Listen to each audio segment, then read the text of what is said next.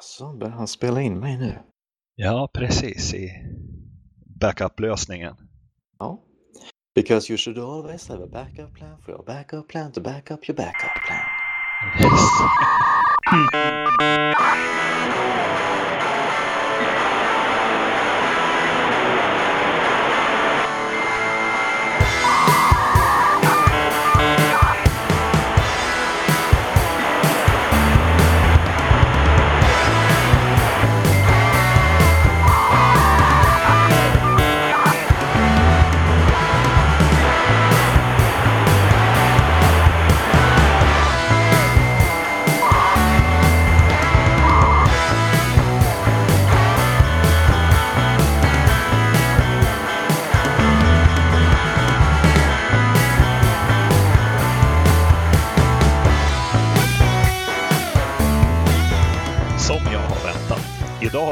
Nicka från Nicka System, mannen som setat med i juryn för den smartaste hemmet-tävling. Nu får vi äntligen chansen att ställa våra frågor som vi gått och undrat på så länge. Vi som pratar i podden idag är jag, Daniel Switschke, Daniel Artfors och Karl-Emil Nicka. Välkommen Nicka! Tack så mycket och god morgon, god morgon säger jag nu när vi spelar in det här så här en, en tidig morgon istället för en sen söndagkväll som jag är van vid att vi spelar in på. Ja, visst är det, visst är det trevligt? Ja, absolut. Man får ju passa på när man är ledig tänkte jag säga, men ja, ungefär så. Ja. Eh, Daniel, hur, hur har din vecka varit? Den har varit kort eh, men intensiv. Eh, som, de redan, som de flesta redan vet så jobbar jag ju bara fyra dagar i veckan som att jag gör långa dagar istället. Så att den här veckan har ju kortats ner då med en hel dag så att tre arbetsdagar. Woho! Eh, men däremot så har jag haft en trasig lastbil. Jättekul när man får börja dagen med att inte ha ett frysaggregat när man ska köra frysvaror. Eh, det innebär verkstadsbesök som eh, ska ta.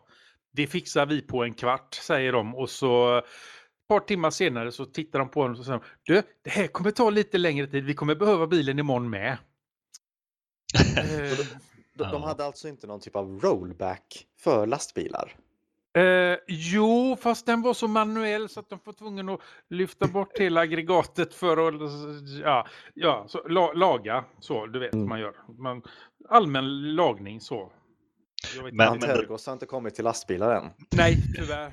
Men eh, även där kan man ju då eh, rulla tillbaka så många gånger innan man ins- får, får, får, får känna sig Eh, besegrad och faktiskt göra en ominstallation. Vilket jag fick göra nu i veckan också. Eh, eh, det är också en av anledningarna till varför det har varit intensivt. Som sagt var, som vi pratade om i förra veckan så vad hette det? Så hyllade jag ju den här tillbakarullningsfunktionen som finns då i Antergos paketsystem Pacman. Jättebra! Eh, men jag tror inte man kan rulla tillbaka hur många gånger som helst och hur långt som helst. För att mina problem kvarstod ju eh, som jag hade så att till slut så kände jag att nej, eh, jag hittar inte eh, vad det är som är liksom det direkta felet. Jag får, jag, jag får helt enkelt köra en ominstallation. Så att, eh, eh förhoppningsvis så har det löst sig nu. Men eh, som sagt det återstår ju att se. Eh, nu visade det ju sig då också att eh, just Gnome 3.28 innehåller ju då en minnesbugg. Så att den kan ju faktiskt vara med och spöka lite här. Kan man ju tänka, eftersom att det är Gnome jag använder. Så att, ja, mm, vi får väl se. Daniel då? Du då? Hur har du haft det sen sist? Jo, det största som har hänt den här veckan, det var väl det som hände igår, att jag var på 90-årskalas. Det var min eh, gamla, gamla mormor som fyllde 90 år.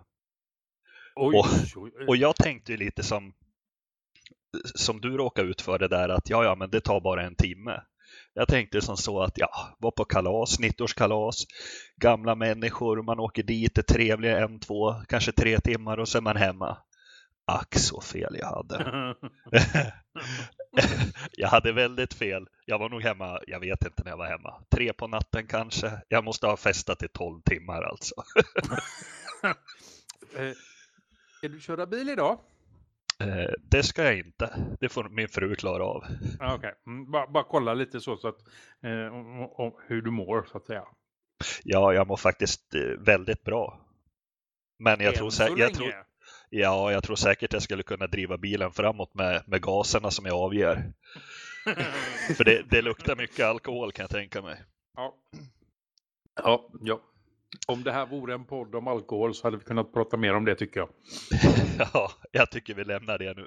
Ja, precis. Det låter som en plan. Ja. Och Nicka, hur, hur har du haft det? Jag vet ju att du har hållit eh, utbildning veckan som har varit va? Ja, jag, jag har eh, haft en liten turné där jag har åkt runt och pratat om eh, smarta hem. Och, och så har jag såklart haft eh, Linux-podden Abstinens också för att nu är det ju flera månader sedan jag var med senast. Ja, det Ja, var väldigt lång tid. Mm. Ja, du, alltså, när du var med senast så var du väl fortfarande anställd till och med? nej, det var jag nog inte. Jag tror att jag Eller- precis hade lämnat min förra arbetsgivare då. Ehm, eh, men men det, det är lite oklart. Det, eh, allting går in i varandra nu. Det, det, dagarna bara eh, flyter på. Men Ja. oavsett vad, jätteglad att jag fick komma tillbaka. Alltid lika välkommen. Tack så mycket. Yes, vi kör väl på med lite, lite snabba nyheter här. Mm. Ja, för du vill komma till dagens ämne så fort som möjligt. Det vill jag. Jag, Ja. jag känner lite så, så här att jag kanske inte skulle ha lagt in några nyheter idag för då hade vi kommit fortare framåt. Men nu, nu är det så att du har ju lagt in massa nyheter och jag har lagt in ett par till extra på det bara för att göra saken ännu värre för dig. Så att kör igång! ja, vi har ju den här följetongen om Postnord. Postnord anmäls till konkurrens, Konkurrensverket.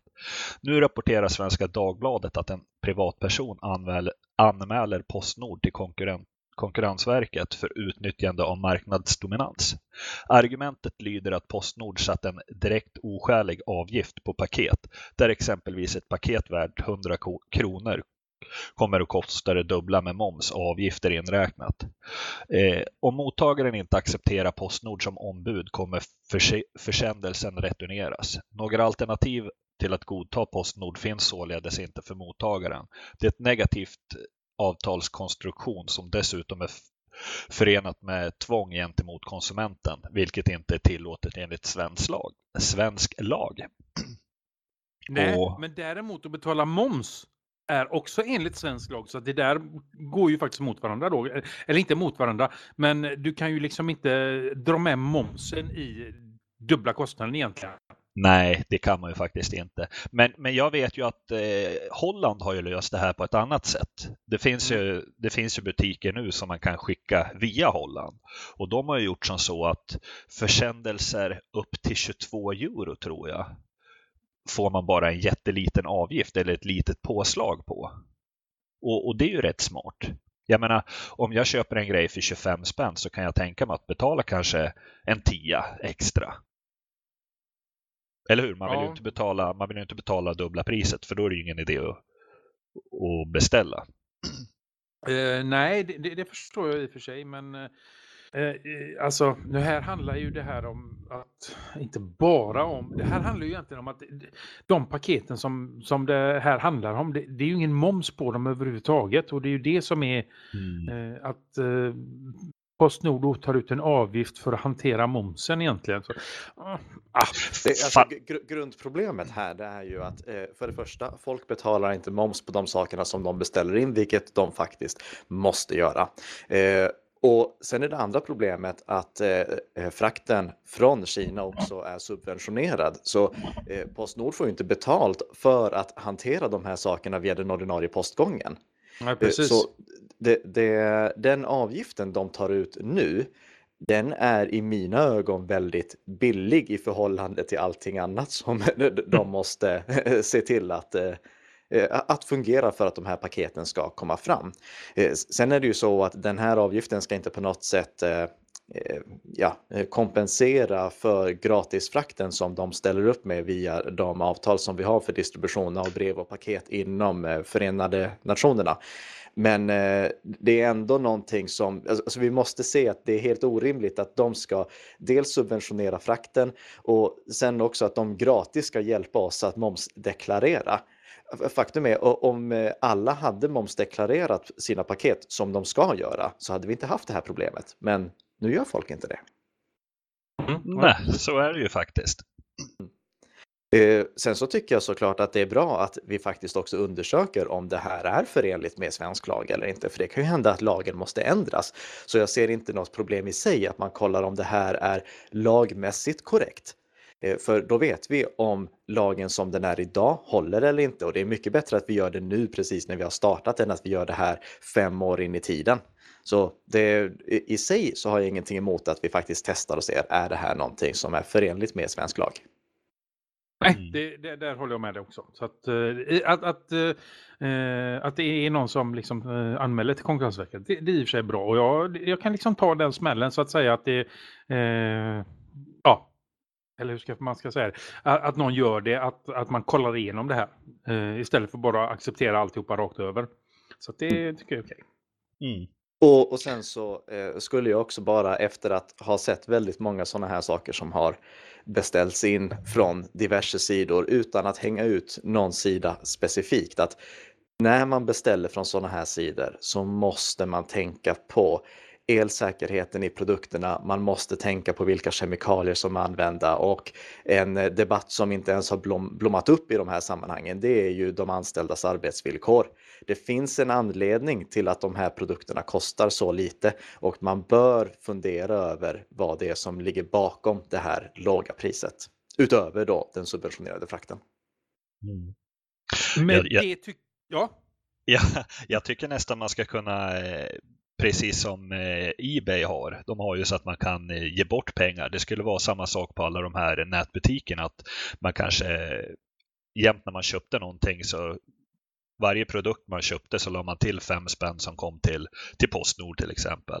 Och sen kunde man välja att kanske skänka pengar till arbetare. Mm. Men, men, eh. jag förstod vad du menar att vi skulle gå vidare. Bra. Yes. Vi går vidare till eh, Mintbox Mini 2. Det har ju släppts en ny Mintbox. Det är en liten minidator som har helt passiv kylning. Och nyheterna är i den här versionen är dubbla gigabitportar och Intel HD Graphics 500. Priset för boxen är 299 dollar och eh, 349 dollar för Pro-modellen. Och Pro-modellen innehåller eh, större hårddisk och mer minne. Det kanske är någonting för dig. Mint också kanske? Ja, det gör den ju. Ja. I och med att den, man kan köpa den från eh, Linux Mints hemsida. Just det. Mm.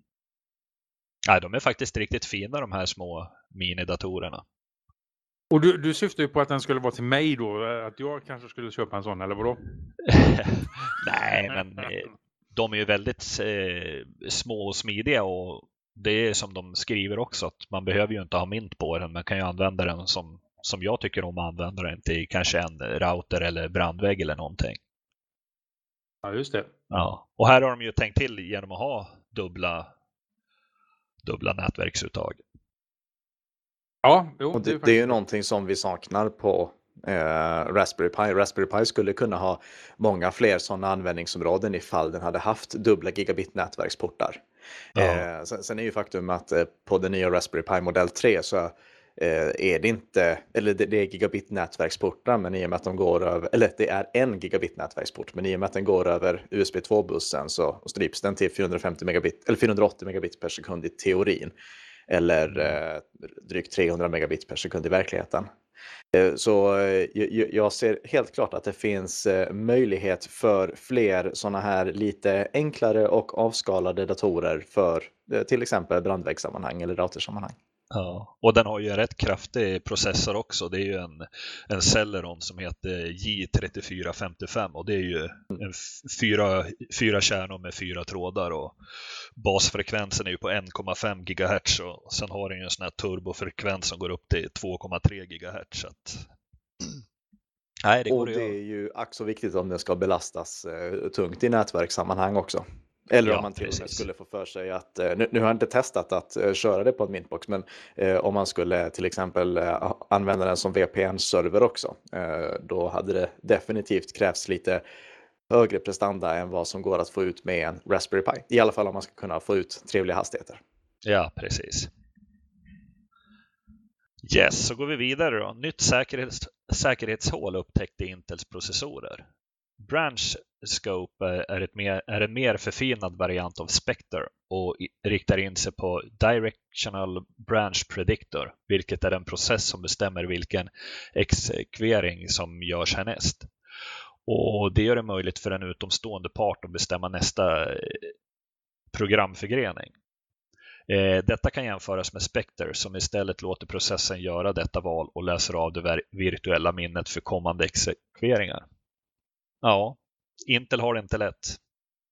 Nej, inte AMD heller för den delen. Nej.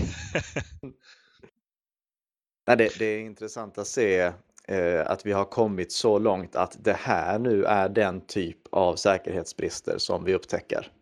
Eh, för jag skulle säga anledningen till att säkerhetsforskarna har börjat kolla på det här, det är att alla de lätta säkerhetsbristerna, de är redan hittade, eller många av dem lätta. Så det har hela tiden blivit mer och mer avancerade säkerhetsbrister som vi letar efter. Så jag tycker att det är imponerande att vi har kommit så här långt i eh, letandet efter säkerhetsbrister. Ja, ja, verkligen med tanke på vad de hittar. Jag menar, det kan ju inte vara så lätt att hitta alla sådana här säkerhetsbrister tycker jag. Nej, det, jag, jag, har ingen aning hur de går tillväga, men eh, det är också tidsenligt att det, är flera som arbetar med att just hitta eh, eh säkerhetsbrister som är relaterade till spekulativ exekvering. Ehm, det har liksom blivit det nya som är inne inom den eh, lilla sfären som har kompetensen att hitta den typen av säkerhetsbrister. Och det har varit det sedan förra sommaren då den eh, första säkerhetsforskaren poängterade att eh, jag har hittat någonting här som man skulle kunna utnyttja. Jag, jag har inte lyckats utnyttja det själv, men det här är värt att kolla vidare på. Ja, och jag vet ju som du sa förra sommaren, då var du inne på att det, det fanns massa säkerhetshål som var som var gjorda med flit bara för att ja, amerikanska regeringen skulle kunna nyttja det för att ja, snoka lite här och där. Uh, nu uh, är vi ute på halis när det... ja. Vad är det du syftar på specifikt då? Nej, det, det gick ju massa rykten om att eh, det var ju så mycket säkerhetshål och jag vet inte om det var ja. FBI eller något sånt som de sa hade eh, folk som jobbade med att hitta säkerhetshål och de la in eh, säkerhetshål i routrar och sånt. Det var ju givetvis bara rykten. Det är ju ingenting ja, som, är, som är sagt, men och jag, jag, tror att det är viktigt också att vi, vi poängterar det att det är många av de sakerna som eh, amerikanska underrättelsetjänster har anklagats för eh, är på ryktesbasis. Det är, det är väldigt få saker som är bekräftade att medvetet är inlagt på grund av ett uppdrag från dem.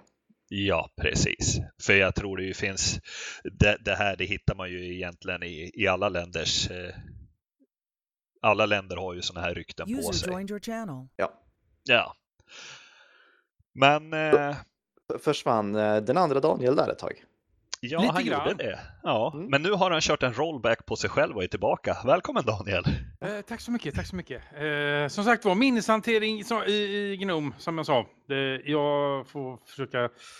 Eh, ja. Eh. ja, jag slår ett slag för XFCE. Eh, det tror jag säkert att du gör. Vill du köra nästa nyhet då Daniel? Eh, om, om, Linux?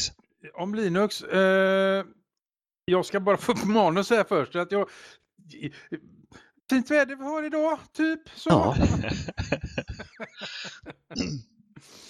eh, ja, om Linux sa du. Eh, Linux är ett trevligt system som man kan använda sig av eh, medan saker och ting laddas.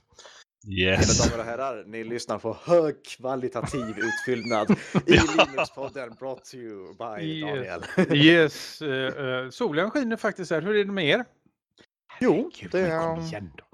Mm. Ja. Nej, men det är som så här att mer än 100 000 utvecklare deltog i den årliga Developer Survey från Stack Overflow. Enligt undersökningen fortsätter JavaScript att vara det mest använda programmeringsspråket för sjätte året i rad.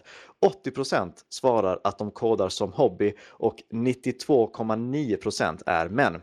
Node.js är det mest använda ramverket utvecklare använder och MySQL och SQL Server fortsätter att vara de vanligaste databaserna att använda. Det programmeringsspråk som gillas mest är Rust för tredje året i rad. Det mest överraskande är att Linux har petat ner Microsoft Windows från tronen som den mest använda plattformen för utvecklare. I siffror, årets undersökning visar att Linux används av 48,3% av alla svarande jämfört med 32,9% 2017. I år har Windows gått ner 5,6% från 41,0% till 35,4% både på skrivbord och serversidan. Läser jag innan till här nu. Eh, jag, jag minns inte att det var det som stod i den här Stack Overflow-undersökningen. Det var det faktiskt. Jag har, det det. Ja, ja, visst, jag har läst och jag har parafraserat och översatt så att eh, i och för sig, jag översättningen kanske inte är det bästa då. Jag kanske lutar lite mer åt ett Nej, det gör jag inte. eh, jo, men det stod faktiskt eh, i den här undersökningen att det var just det, så, så det var. Där ser man.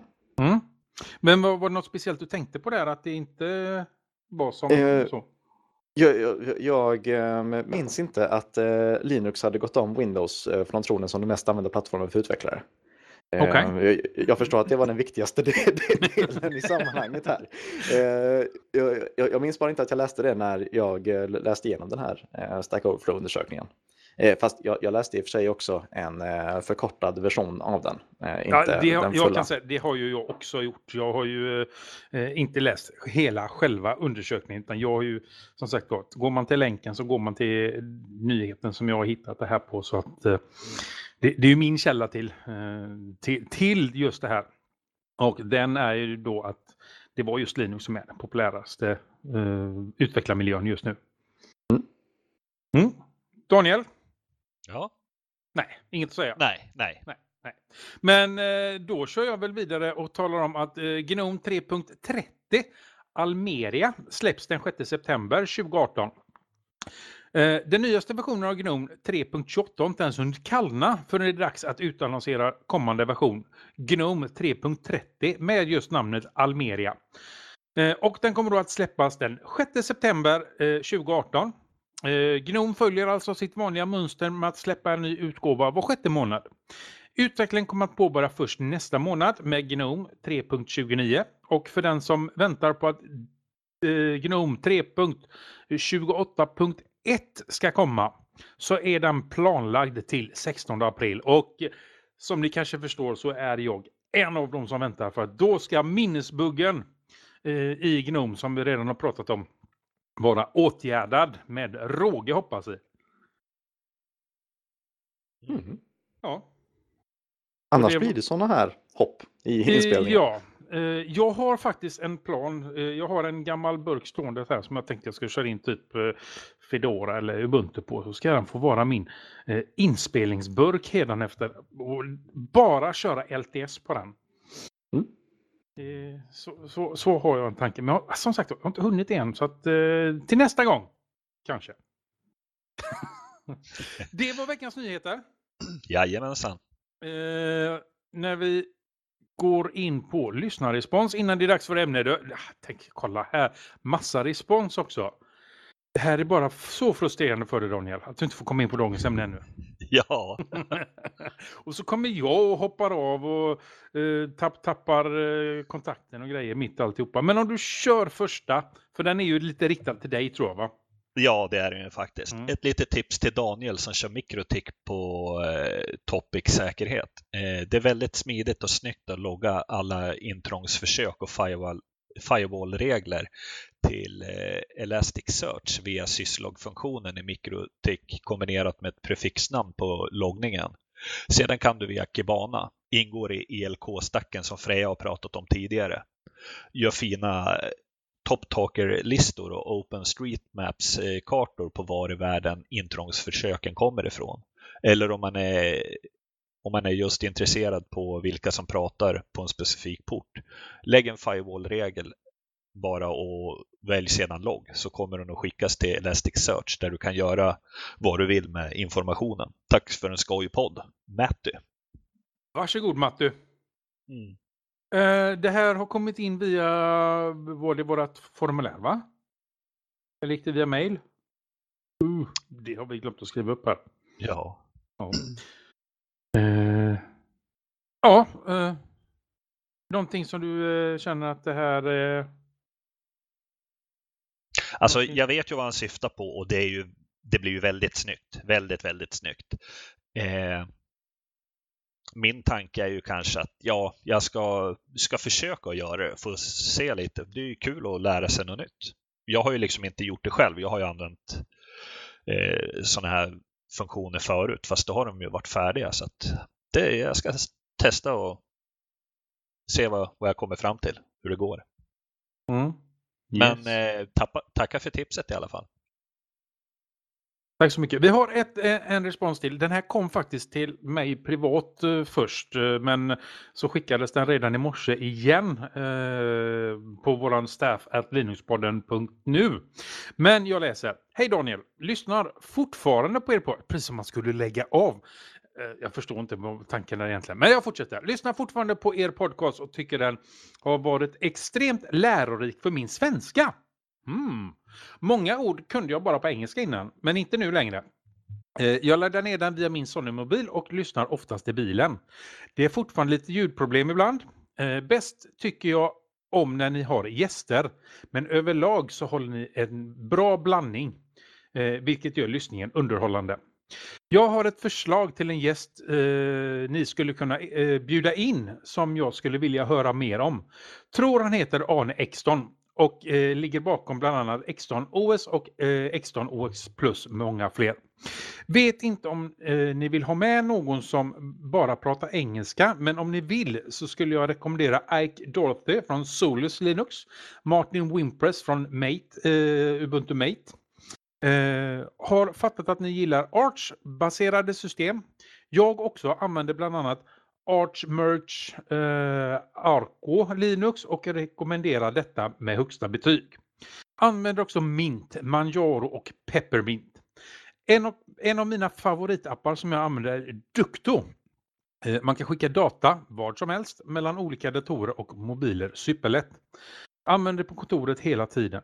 Sist men inte minst, det hade varit kul att träffa er eh, alla och jag kommer vara i Sverige i sommar, till sommaren, 15 juli till 9 augusti.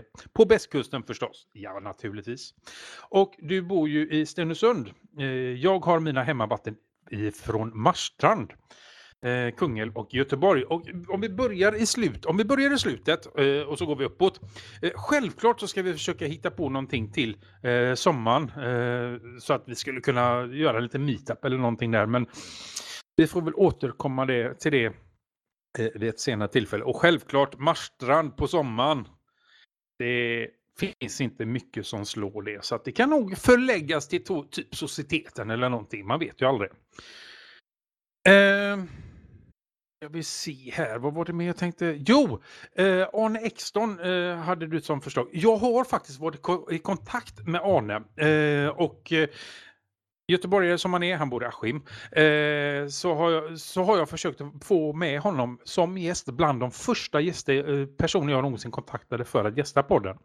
Men han eh, är tyvärr inte intresserad eh, att prata. Däremot hade det varit en skriftligt så hade det varit eh, intressant för honom. Men att att prata ligger inte för honom. Så han har, han har tackat nej till det. Eh, men du Daniel. Ike från Solus eller Martin eller Wimpress från eh, Mate. Hade det varit något tror du? Ja, det kanske vi kan kolla upp. Ja, Då, då får man ju dricka lite öl så man blir bra på engelska. ja precis. Det blir ju många öl så att man blir riktigt bra. Jag menar det. Vi har ju redan konstaterat det. Ju mer man dricker desto bättre blir man. Så att, eh, eh, ja, eh, och dina tips. Ja. Ja, eh, under tiden som ni har gått igenom lyssnarresponsen så var jag tvungen att gå in och kolla på den här Stack Overflow-undersökningen i och med att det, de, de siffrorna inte alls stämde med det jag mindes. Eh, men det är inte så konstigt för det, det är faktiskt två olika saker vi pratar om. Eh, det, det som var i nyheten du skrev, det är alltså de plattformar som eh, inte utvecklarna sitter på utan de plattformar som utvecklarna utvecklar för. Så där har vi frågan om vi kollar i grund och botten. Ska se, platforms. Det är the most common choices that our respondents say that they have done development work for this year. Så det är alltså det de har utvecklat för och där ligger Linux i topp. Eh, det som jag mindes som gjorde att jag tyckte att de här siffrorna de låter väldigt, väldigt fel. Det är Developers Primary Operating System. Och jag vet inte om ni vill ha de siffrorna. Alltså, de... det, beror, det beror på vilket håll de lutar Vi kan säga som så här att om vi kollar på de eh, operativsystemen som utvecklarna själva sitter på när de gör de här utvecklingsjobben. Då har vi Windows i ledning. Aj, aj, aj, aj. Med 50 procent. Hälften av alla sitter på Windows. Mac OS 27 procent. Och Linux 23 procent. Um, jag sa ju det att om de lutar åt rätt håll. Ja, förlåt. Eh, men eh, eh, det var anledningen till att siffrorna som jag tidigare läste upp i artikeln och att siffrorna som jag mindes inte stämde överens i huvudet. För det är alltså det som de har utvecklat för respektive det som de sitter på. Då har jag bara avstått att läsa den där sista lilla biten tror jag när jag har läst den här ja, eh, meningen. Det, det, handlar ju väldigt mycket om just vad, vad det är man vill eh, få fram för siffror. Så kan man plocka det lite själv därefter. Ja, precis. Eh. Nej, men rätt ska vara rätt, alldeles riktigt. Är, är det plattformen de har utvecklat för eller plattformen de sitter på? Det, det är ju faktiskt två helt olika saker egentligen. Mm. Eh, och vi, ser ju väldigt tydligt där också att eh, Linux fortfarande är superpopulärt i serversammanhang. Men eh, the year of desktop Linux, det blir nog först i år då. Eh. Ja, men det har vi ju mm. sagt ända från början så att det kommer. Mm. Året är inte slut än. Nej, oh nej. Oh, nej. Men för att avsluta. Och och kan varmt rekommendera alla att eh, läsa den här eh, Stack Overflow-undersökningen också. Den är jätteintressant. Och, och, alla utvecklare hamnar ju förr eller senare på Stack Overflow. Så det, det är en eh, det är ett bra underlag. Det är eh, 70-80 000 besvarande åtminstone som har eh, svarat på den här undersökningen. Mm, ja, precis. Eh, men för att avsluta då, eh, responsen också så vi kan gå in på ämnen någon gång. Jag hör mm. riktigt hur Daniel sitter där och hoppar. Eh, så är det alltså Patrik Jutbåge som har skickat det sistnämnda responsen till oss. Då gjorde han då via en mail. Både till staff.linuspodden.nu så skickade han den till mig privat först från början, men det hör inte till saken. Hade du några kommentarer på responsen Daniel? Nej, jag vill Nej. bara komma vidare. Nej, gå vidare. Det, det, Men... det är jätteroligt. Jag tänkte lite det här också att eh, jag vet inte var han, var han kommer ifrån. Jag tänkte i och med att eh, lärorikt för min svenska om man tänkte på att han kanske var engelsk eller om han var svensk och fick lära sig många nya svenska ord. Uh, ja, jag har faktiskt ingen aning heller var han kommer ifrån uh, ursprungligen. Men uh, som sagt var, han skriver ju relativt bra på svenska i alla fall. Om man inte, jo, eh, tänkte säga, om man inte har Google-translatat det, men det, det, ser man ju att det inte är Google-translatat när man läser det. Nej, han skriver eh, väldigt bra svenska. Ja, det gör han. Eh, men tala gärna om var du kommer ifrån. Det har varit roligt eh, att veta. Inte för att det spelar någon roll, men det har varit roligt. Eh, med det, Daniel. Yes. Och, Take it away! Ja, nu, nu ska vi bombardera Nicka med massa frågor här, men eh, det blev ju faktiskt två ämnen idag. Mm. Men, eh, men vi börjar med smarta hem. Ja. Eh, jag sa ju tidigare att du hade ju sett in i juryn för en Smarta hemmet-tävling. Ja, det, det, var tidningen Ny Teknik som eh, anordnade tävlingen Sveriges smartaste hem för nu två år sedan. Jag hoppas att eh, vi kör den tävlingen i år igen, men den är inte utlyst än i alla fall.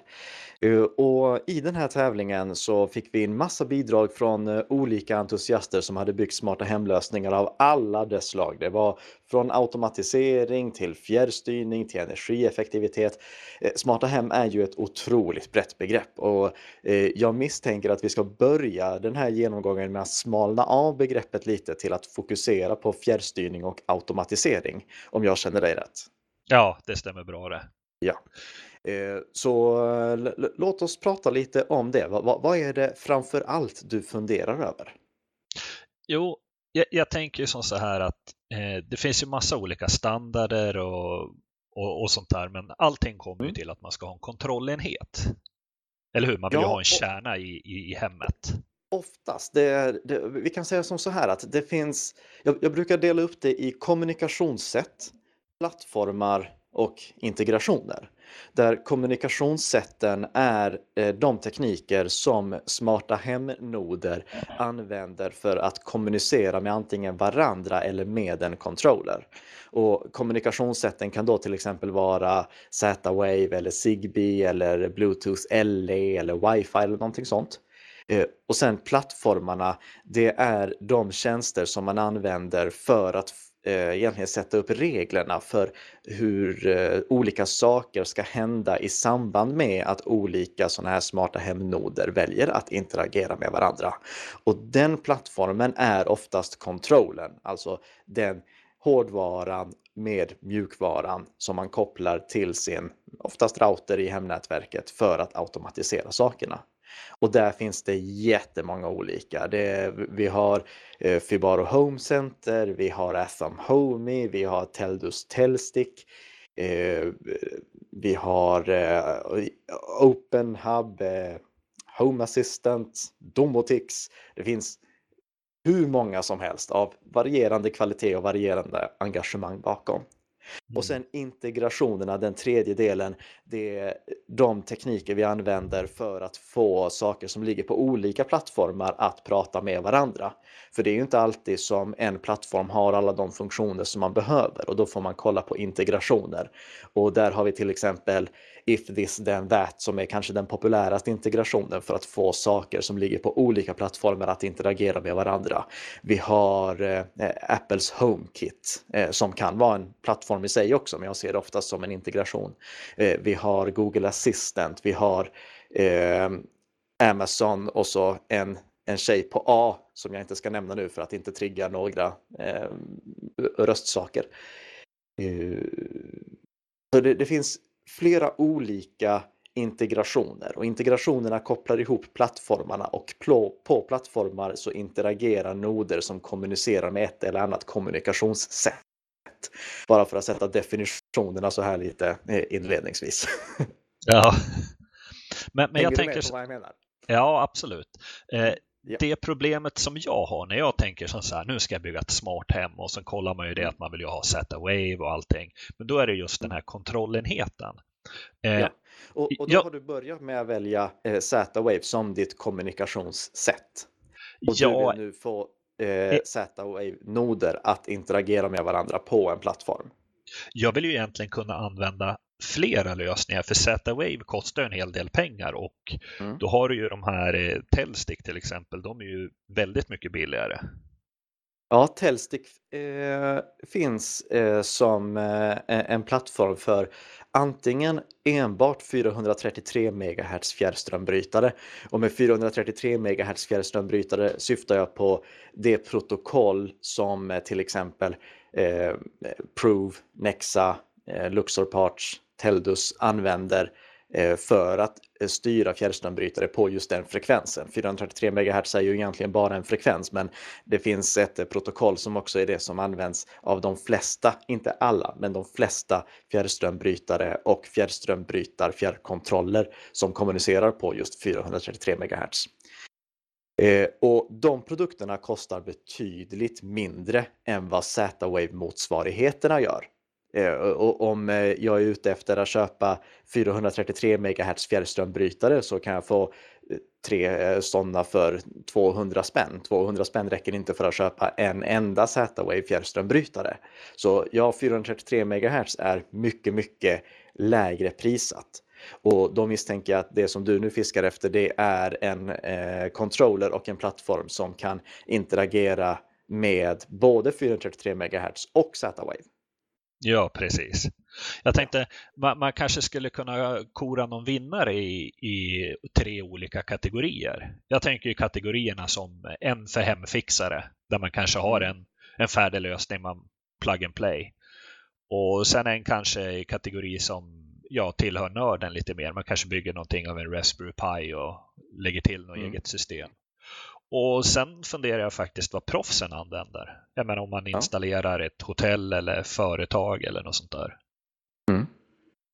Eh, då kommer jag ju vara tvungen att eh, använda personliga preferenser och eh, även lägga in personliga värderingar för att kunna kora en vinnare på det sättet. För att alla har ju olika eh, olika infallsvinklar i det här, men jag ska försöka hålla mig så objektiv som möjligt.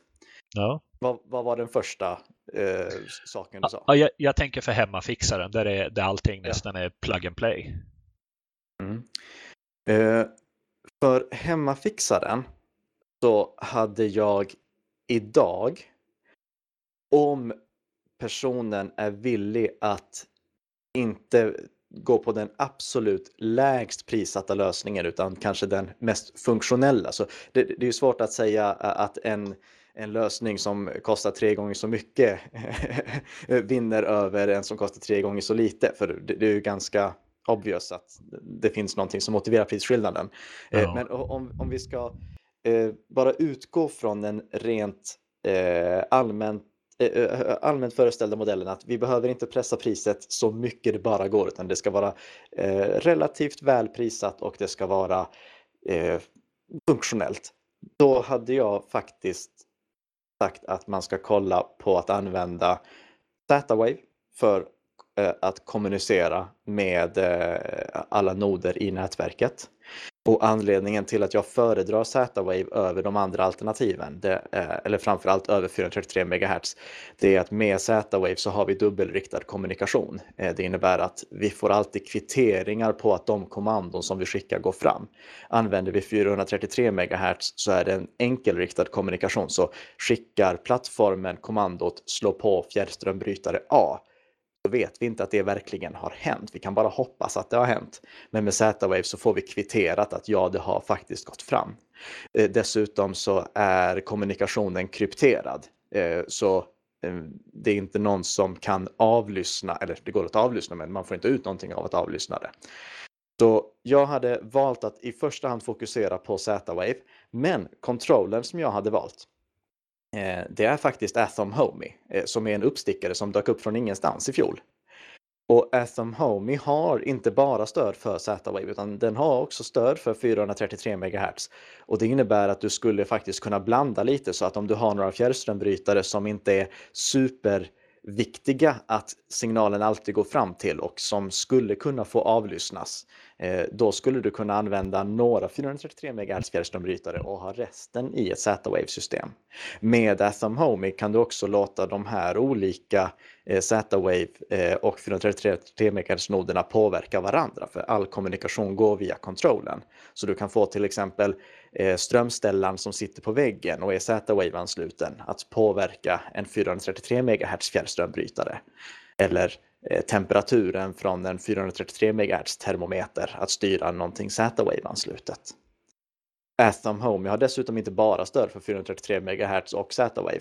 Eh, den har dessutom eh, stöd för Zigbee och Zigbee det använder vi till exempel till Ikeas trådfrilampor. Vi använder det till Philips Hue så där har vi också möjlighet att eh, liksom utöka systemet ytterligare. Eh, det finns stöd för NFC, det finns stöd för IR om man vill använda den till att eh, styra sin hembio. Så jag, jag skulle säga att Atham Home är för de absolut flesta eh, bästa lösningen så länge som man vill fixa med saker själv. Man är lite intresserad av det och priset är inte det absolut viktigast att det är så lågt det bara går.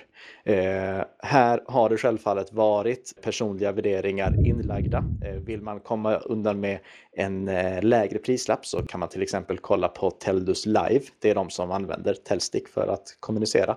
Eh, med Teldus Live så eh, får vi ett betydligt lägre pris men vi har inte lika många avancerade inställningsmöjligheter. Vi kan inte eh, lägga lika avancerade eh, avancerade eh, flows som eh, eh, Atom kallade, eller händelser som eh, Teldus Live kallade. Och en händelse eller ett flow, det är egentligen en ehm, eh, drag and drop programmeringslösning skulle man kunna säga. Att du drar olika saker för att säga om det här inträffar under de här villkoren så ska de här sakerna ske.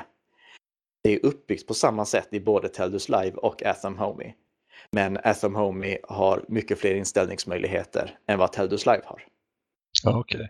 Jag, jag, tänkte på det här med protokollen och det. Är det bara Z-Wave som har den här eh, kvitteringen eller finns det andra protokoll det, som har det? Eh, det har du i eh, Zigbee också. Du har det i Bluetooth LE, du har det i Wi-Fi. Så du, du har det i det mesta förutom 433 MHz. Ah, okej. Okay. Ja, för det är, det är rätt eh, smidigt om man kan använda sig av eh, Ikeas lampor och det, för de brukar ju ha väldigt bra priser på sina saker i och med att de är så enormt stora. Oh ja. Eh, det som man ska fundera lite på när det gäller just belysningsdelen, det är vilket av två tillvägagångssätt jag vill använda för att styra belysningen. För att om jag väljer att köra med Z-Wave, då sätter jag inte in Z-Wave-lampor, utan jag eh, installerar en Z-Wave fjärrströmbrytare bakom min befintliga strömställare. Så eh, knappen på väggen eh, plockar jag bort och sen så kommer en elektriker och installerar en sån här strömställ, eh, en Z-Wave eh, fjärrströmbrytare bakom. Och på det sättet så kan jag både använda den befintliga knappen för att slå på och av lampan och jag kan slå på och av lampan via mitt eh, smarta hemsystem. Eh, jag har satt sådana eh, fjärrströmbrytare bakom alla mina strömställare så att alla mina lampor är uppkopplade. Och i själva lamparmaturen sitter då bara helt vanliga eh, LED-lampor. Om jag väljer att istället gå på IKEA eller Philips Hue-lösningen då Ändra inte någonting i själva elinstallationen. Jag behöver inte eh, anlita någon elektriker utan jag skruvar bara ut mina befintliga lampor och skruvar i IKEA-lamporna eller Philips Hue-lamporna istället. Men jag slänger över frågan till dig. Kan du komma på nackdelen med den lösningen? Den kostar mycket mindre, men vad är nackdelen med den? Du tänkte på Ikeas? Ja, eh, eh, och, och, om jag använder Zigbee-lampor, att jag byter lamporna istället för att installera någonting bakom strömställan. Vad är nackdelen med det? Nackdelen är ju att du får ju köpa, när lampan går sönder så får du ju köpa en, en dyr lampa till. Ja, eh, det har du helt rätt i, men det finns en större nackdel än det. Hmm. Nej, vad tänker du på då? Jo, då kan du inte längre använda din befintliga strömställare. Då måste du sätta upp en ny sån här batteridriven strömställare på väggen i och med att om du slår av strömmen på den befintliga strömställaren då kan du inte längre styra lamporna via smarta hemsystemet. Så ifall du väljer att gå på eh, Ikeas trådfri eller eh, Philips Hue-lösningen, då ska du tänka på att då blir de befintliga strömställarna någonting som eh, bör kläs med eh, en liten lapp där det står Don't touch. Utan man ska istället använda smarta hemsystemet och de nya fjärrkontrollerna som hör till Philips Hue-systemet eller eh, Ikea trådfri-systemet. Så där, mm. där, har du en nackdel. Det kostar mindre att eh, bygga det på det här sättet. Det är enklare att göra det, men det blir inte riktigt lika funktionellt i och med att eh, du inte kan använda de befintliga knapparna. Eh, så det får man väga in där också om man vill gå på den modellen. Ja, Okej, okay. ja, ja, det förklarar en hel del. Och jag har ju installerat sådana här eh, strömställare bakom alla mina knappar, så jag behöver i princip aldrig eh, trycka på knapparna någon gång. Eh, men jag kan göra det. Och om jag vill så kan jag fortfarande använda knapparna. Jag har ju renoverat min lägenhet och gjort en investering i den för att göra den smart och det är någonting som jag också sen kommer dra nytta av när jag en vacker dag säljer lägenheten. Eh, men om de som flyttar in hit inte skulle vilja använda alla smarta saker som jag har gjort, då behöver de inte göra det. De kommer inte ens märka att det sitter Z-Wave fjärrströmbrytare bakom alla knappar, utan det är mer ifall de skulle vilja dra nytta av det. Till exempel eh, jag tänder ju aldrig när jag eh, kommer hem. När jag kommer hem så är lampan redan tänd. Eh, när jag går in på badrummet behöver jag inte tända. Jag behöver inte trycka på en knapp för att tända. För det är redan tänt när jag öppnar dörren in till badrummet. Jag behöver inte släcka heller, för när jag lämnar badrummet släcks det. Men mm. skulle de som flyttar in vilja trycka på en knapp så får de trycka på en knapp, absolut. Ja, det lät ju riktigt smart det där. Mm. Men eh, då har vi avklarat en kategori och det var ju hemmafixaren. Ja. Och om man är lite mer nörd och vill hålla på och pilla och skruva själv då, vad ska man välja då för system? När, när du säger nörd och skruva själv, syftar du då på eldelen eller syftar du på själva programmeringsdelen? Ja, jag tänker mest på, på kontrollen och, och programmeringen ja. där. Ja, för i så fall så finns det jag hade rekommenderat att i så fall utgår du från en Raspberry Pi. Det, det, är det de flesta gör. Och där finns det flera olika kontrollmjukvaror sen. Eh, du har Home Assistant, eh, du har OpenHub, du har Domotix. Och jag hade rekommenderat att du kollar på eh, eh Home Assistant i så fall. Så att du tar en Raspberry Pi och installerar Home Assistant på den. Det finns till och med en färdig image som eh, heter Haspian eh, som är baserad på Raspbian som är baserad på Debian. Eh, så den imagen kan du installera så har du nästan allting inlagt från grunden. Och sen kan du bara komplettera din Raspberry Pi med antingen en eh, Z-Wave-sändare eller en Zigbee-sändare eller en 433 MHz-sändare beroende på vad det är du vill ha. För att du, du har ju inte Zigbee och Z-Wave och 433 MHz-stöd i eh, själva Raspberry Pi från början. Men du har en väldigt bra plattform att utgå från. Så jag, jag hade rekommenderat att skaffa en Raspberry Pi, installera Home Assistant och komplettera med de sändarna som du är intresserad av. Mm smidigt. Och om man är, är ett proffs då, vad ska man använda för grejer då? För att man har ju sett väldigt många hotell och, och företag som har, ja, har lite ja. smart belysning och sånt, men vad använder de?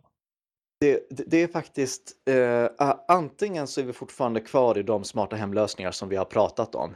Eh, eller så Eh, använder eh, de hotellen en, en, helt annan teknik, eh, till exempel KNX. Eh, och eh, KNX, då, då, pratar vi helt andra investeringar och helt andra installationer.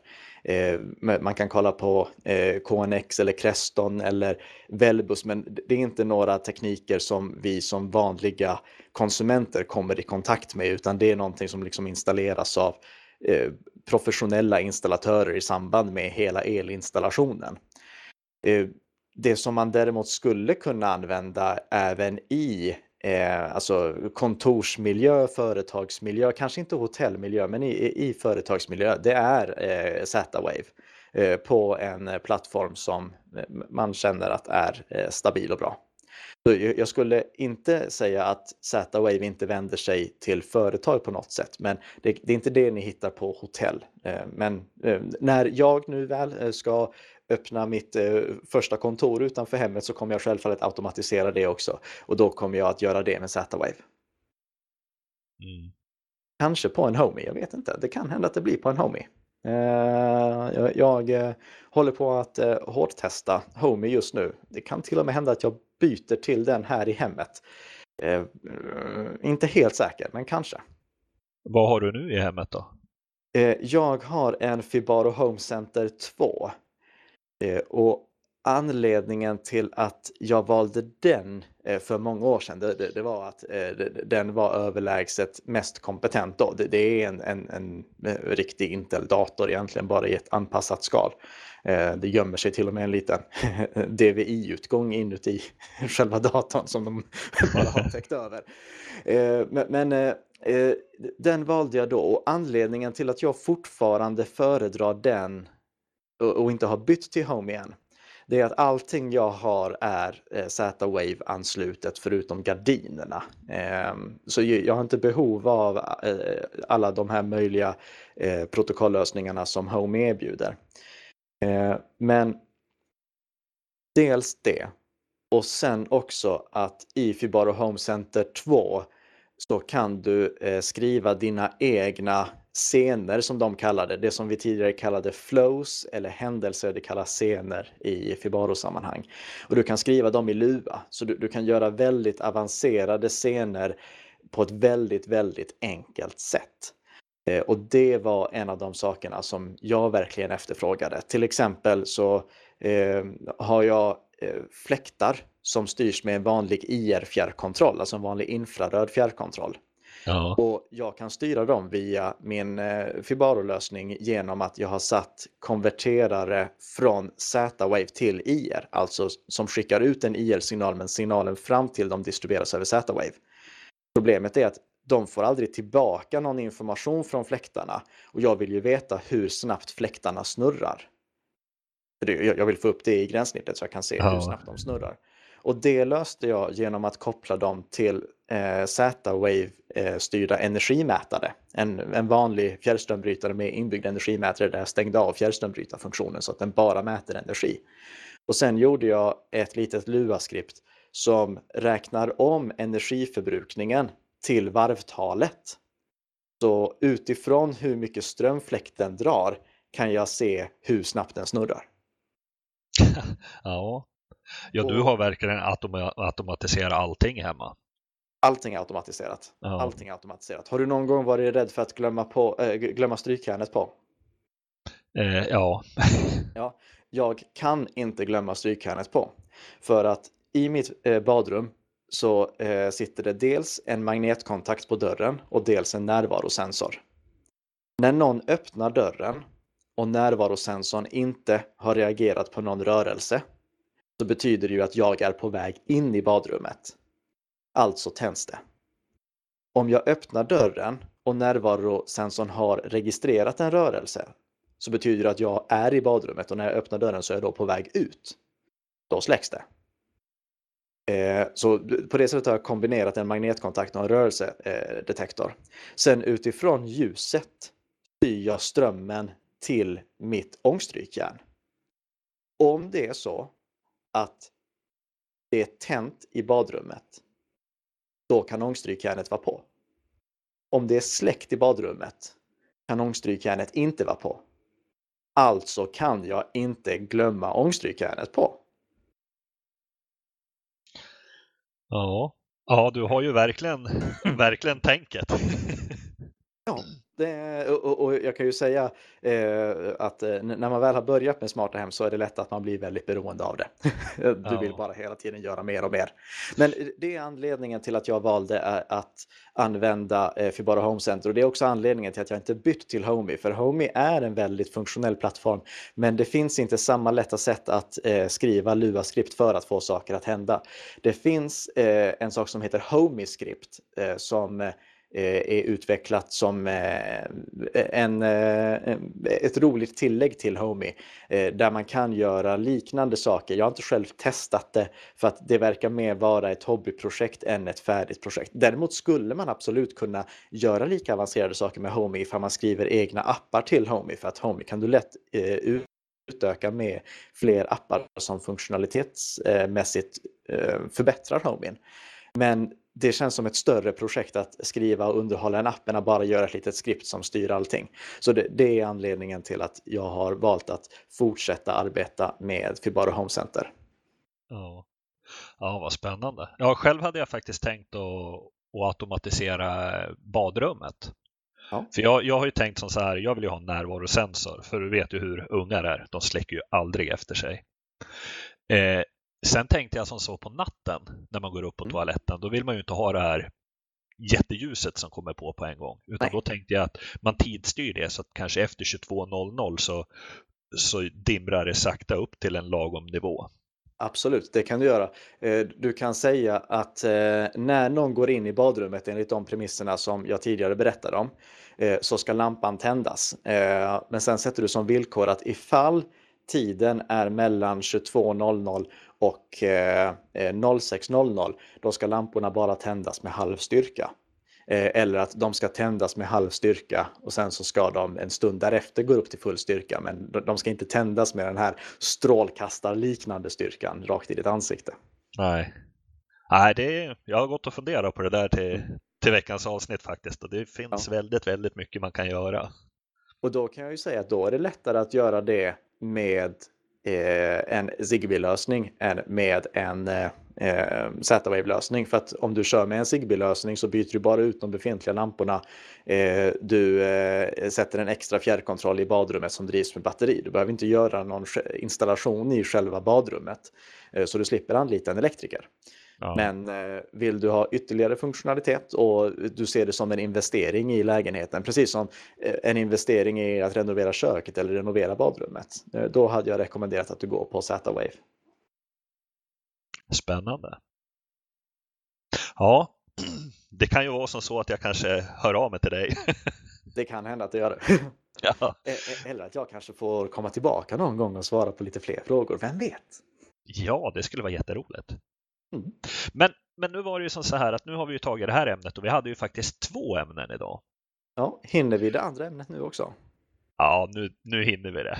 Ja. Mm, ja. Nej, det var ju som så här att jag hade ju faktiskt skrivit en Facebookgrupp så här. Jag har ju en, en kompis som har eh, köpt en sån här, eh, måste jag kolla i, vad jag skriver. Jo, han har ju köpt en, eh, en router från Unify, en sån här Edge Router X har han. Ja, och, och, då ska jag bara vara jättedryg och börja med att poängtera en sak.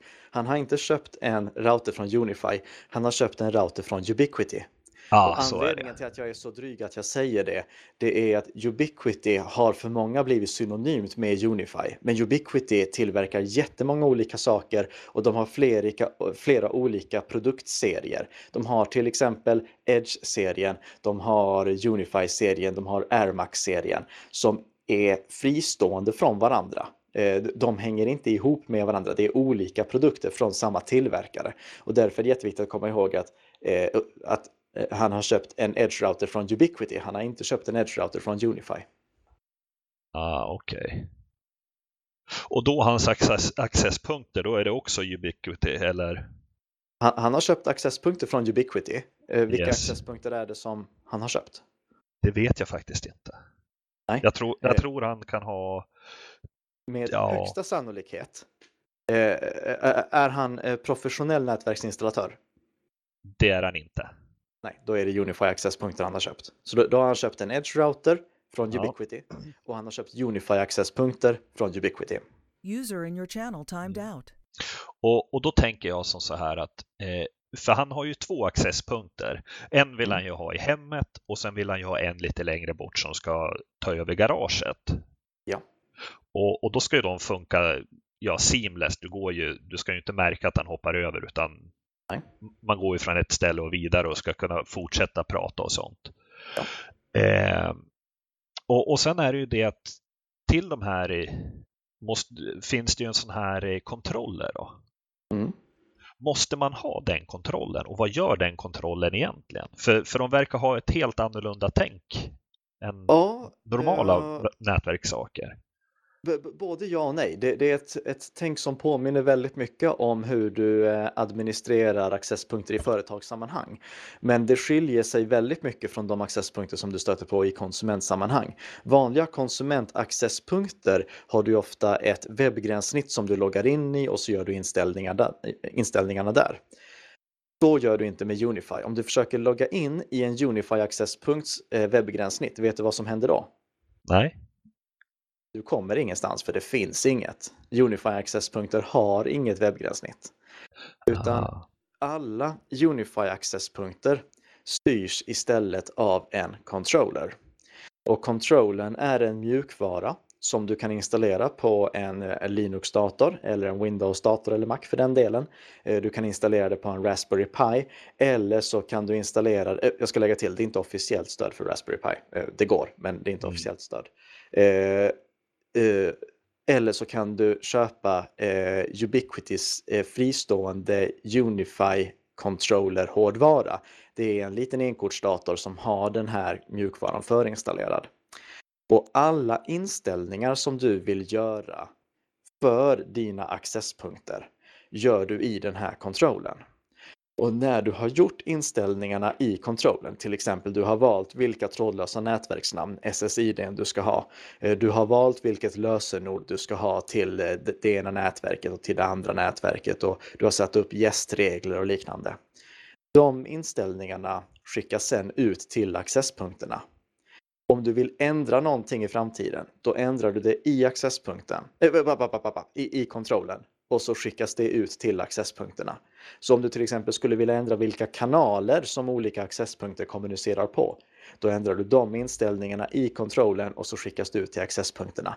Vill du ändra eh, vilken styrka eller vilket eh, så kallat eh, RSSI eh, vilken RSSI-tröskel du ska ha. Eh, RSSI-tröskeln ställer när en specifik accesspunkt ska släppa anslutningen till en klient.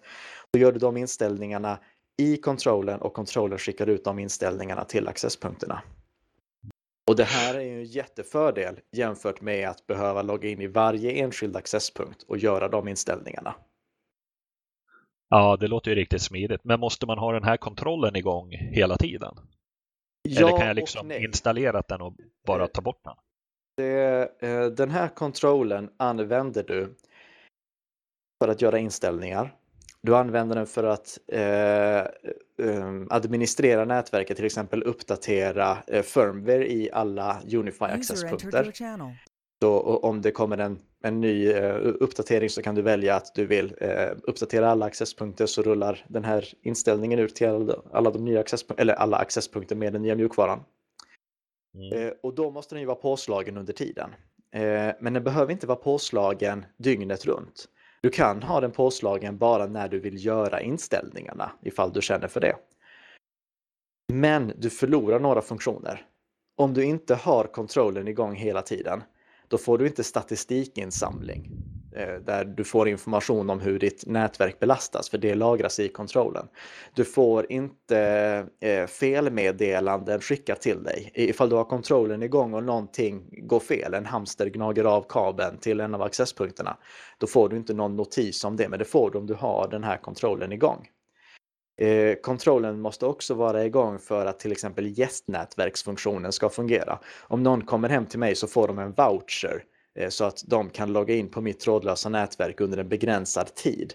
För att den delen ska fungera så måste kontrollen vara igång. Du, du kan däremot ha ett vanligt gästnätverk som alltid är öppet och skyddas med ett vanligt lösenord eh, utan att ha kontrollen igång. Men vill du ha eh, statistikfunktioner, har möjlighet att eh, få notiser när någonting händer och vill använda sånt här voucherbaserat gästnätverk. Då måste du ha kontrollen igång, annars kan du stänga av den. Okej, okay. spännande. Det, sen vet jag kompisen här och pratade om någon sida man loggar in på på internet. Jag tror det är eh, någon sån där ubnt.com eller account.ubnt.com eller något sånt. Ja, i och med att ingen kan uttala Ubiquity eh, så eh, förkortar de ofta ner sitt namn till UBNT. Och när jag sa att du inte har ett webbgränssnitt i själva accesspunkterna så stämmer det. Men däremot så är controllern ett webbgränssnitt. Så när du loggar in i kontrollen så gör du det via din webbläsare. Så, eh, om du har kontrollen körandes på en dator så kan du logga in i den kontrollen från någon annan dator. Det är inga problem. Och du kan även koppla den till eh, Ubiquitys eh, tjänst som gör att du kan komma åt den över internet ifall du skulle vilja göra det. Eh, så kan du gå in vid, i, i, din kontroller var än du befinner dig. Det kan du också göra genom en VPN-tunnel ifall du skulle känna för det. Eh, ja. Och du kan stänga av den här funktionen också om du inte vill ha den överhuvudtaget. Men det är själva Ubiquity-nätverket. Jag kan även lägga till att för den som vill göra det här ännu enklare så kan man installera en app på sin mobil eh, som används bara för att göra inställningarna. Eh, jag hade inte rekommenderat det för du får inte alla, alla, alla funktioner utan använd en controller för att göra inställningarna. Eh, och eh, ha den igång ifall du vill ha alla de här extra funktionerna. Ja, det här förklarar ju en hel del hur, hur man ska lösa sakerna. Ja. Eh, sen så har vi Edge-routern. Och faktum är att du kan använda vilken router du vill. Du kan använda en Edge-router, du kan använda en Asus-router, du kan använda en TP-Link-router. Du kan använda vilken router du vill till ditt Unify-nätverk. För Unify-nätverket, så som vi har pratat om det än så länge, är det bara för distribution av den trådlösa nätverkssignalen. Det är inte för någonting annat. Det vi har pratat om hittills är bara distribution av trådlöst nätverk. Ja. Men om du skulle eh, vilja ha en edge-router så kan du sätta den som din första router. Den når du då inte via den här Unify-kontrollen för edge-routern är från samma tillverkare, Ubiquity, men ur en annan serie. Och edge-router-produkterna, de gör du inställningar i via webbgränssnittet. Så där loggar du in i webbgränssnittet för att göra inställningar. De hanterar du alltså på det sättet. Ah, Eh, Okej. Och det innebär också att de inställningarna du gör i Edge-routern har ingenting med Unify-nätverket att göra, för det är två helt olika produkter. Precis som om du hade köpt en, en Asus-router så hade inte inställningarna i Asus-routern haft någonting med ditt Unify-nätverk att göra. Så när du väljer en Edge-router så är det bara för att du har den från samma tillverkare och för att eh, vissa av Edge-router-modellerna har eh, inbyggt stöd för att eh, eh, strömförsörja accesspunkter.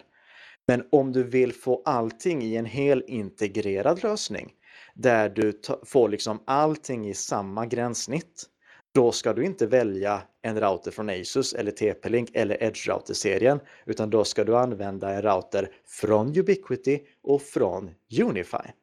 Unify har egna routermodeller som kallas Security Gateways, men det är routrar, eh, men det, det står som Security Gateways. Och har du en sån router då kan du konfigurera även routern via kontrollen. Så då får du in allting i samma gränssnitt. Och ifall du vill ha switchar så ska du inte välja eh, switchar ur Edge-serien utan du ska välja switchar ur Unify-serien.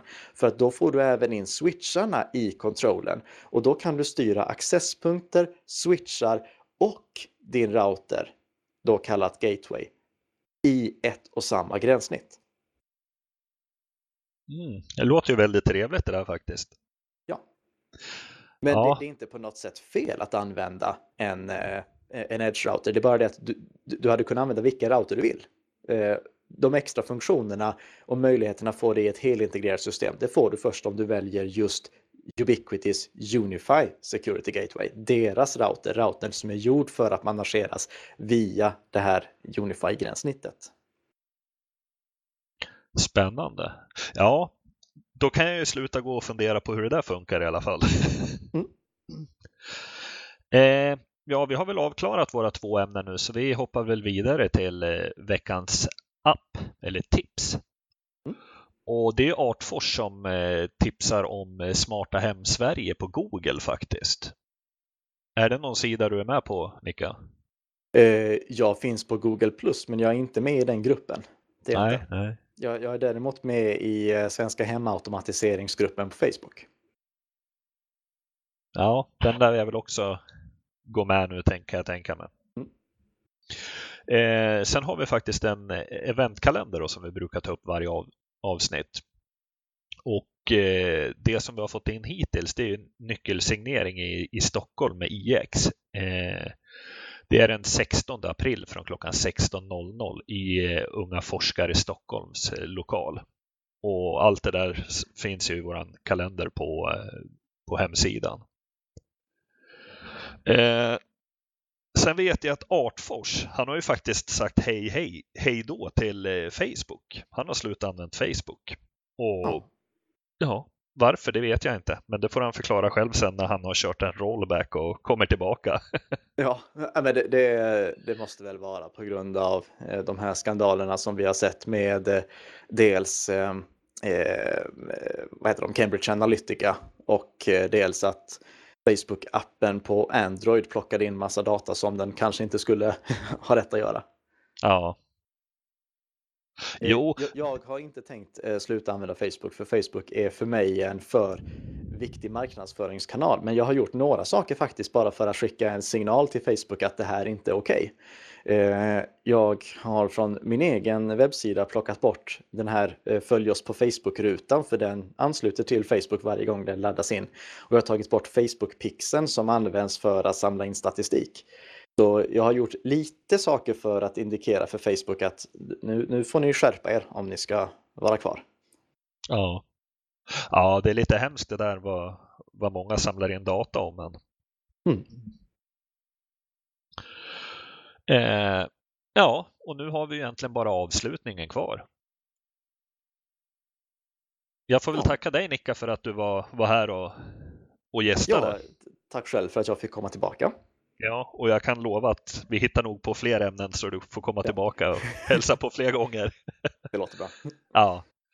Jag ska köra avslutningen här som jag brukar köra. Podden är licensierad under Creative Commons version 4. Du vet väl att du som lyssnar kan hjälpa oss? Vi dras med en del kostnader, inte stora men ändå. Du kan skänka en slant genom Swish, Payson eller Paypal. På vår omsida kan du se hur du går tillväga. Vi skulle verkligen uppskatta om ni som lyssnar och läser ger oss tips och synpunkter på vad ni tycker. Lämna gärna era omdömen på iTunes, sociala medier eller på vår kontaktsida. Eller den som vill kan även skicka e-post till oss på adressen staff.linuxpodden.nu. Och med det tog det slut. Tack för oss Nicka. Tack så mycket. Hej då. Hej då.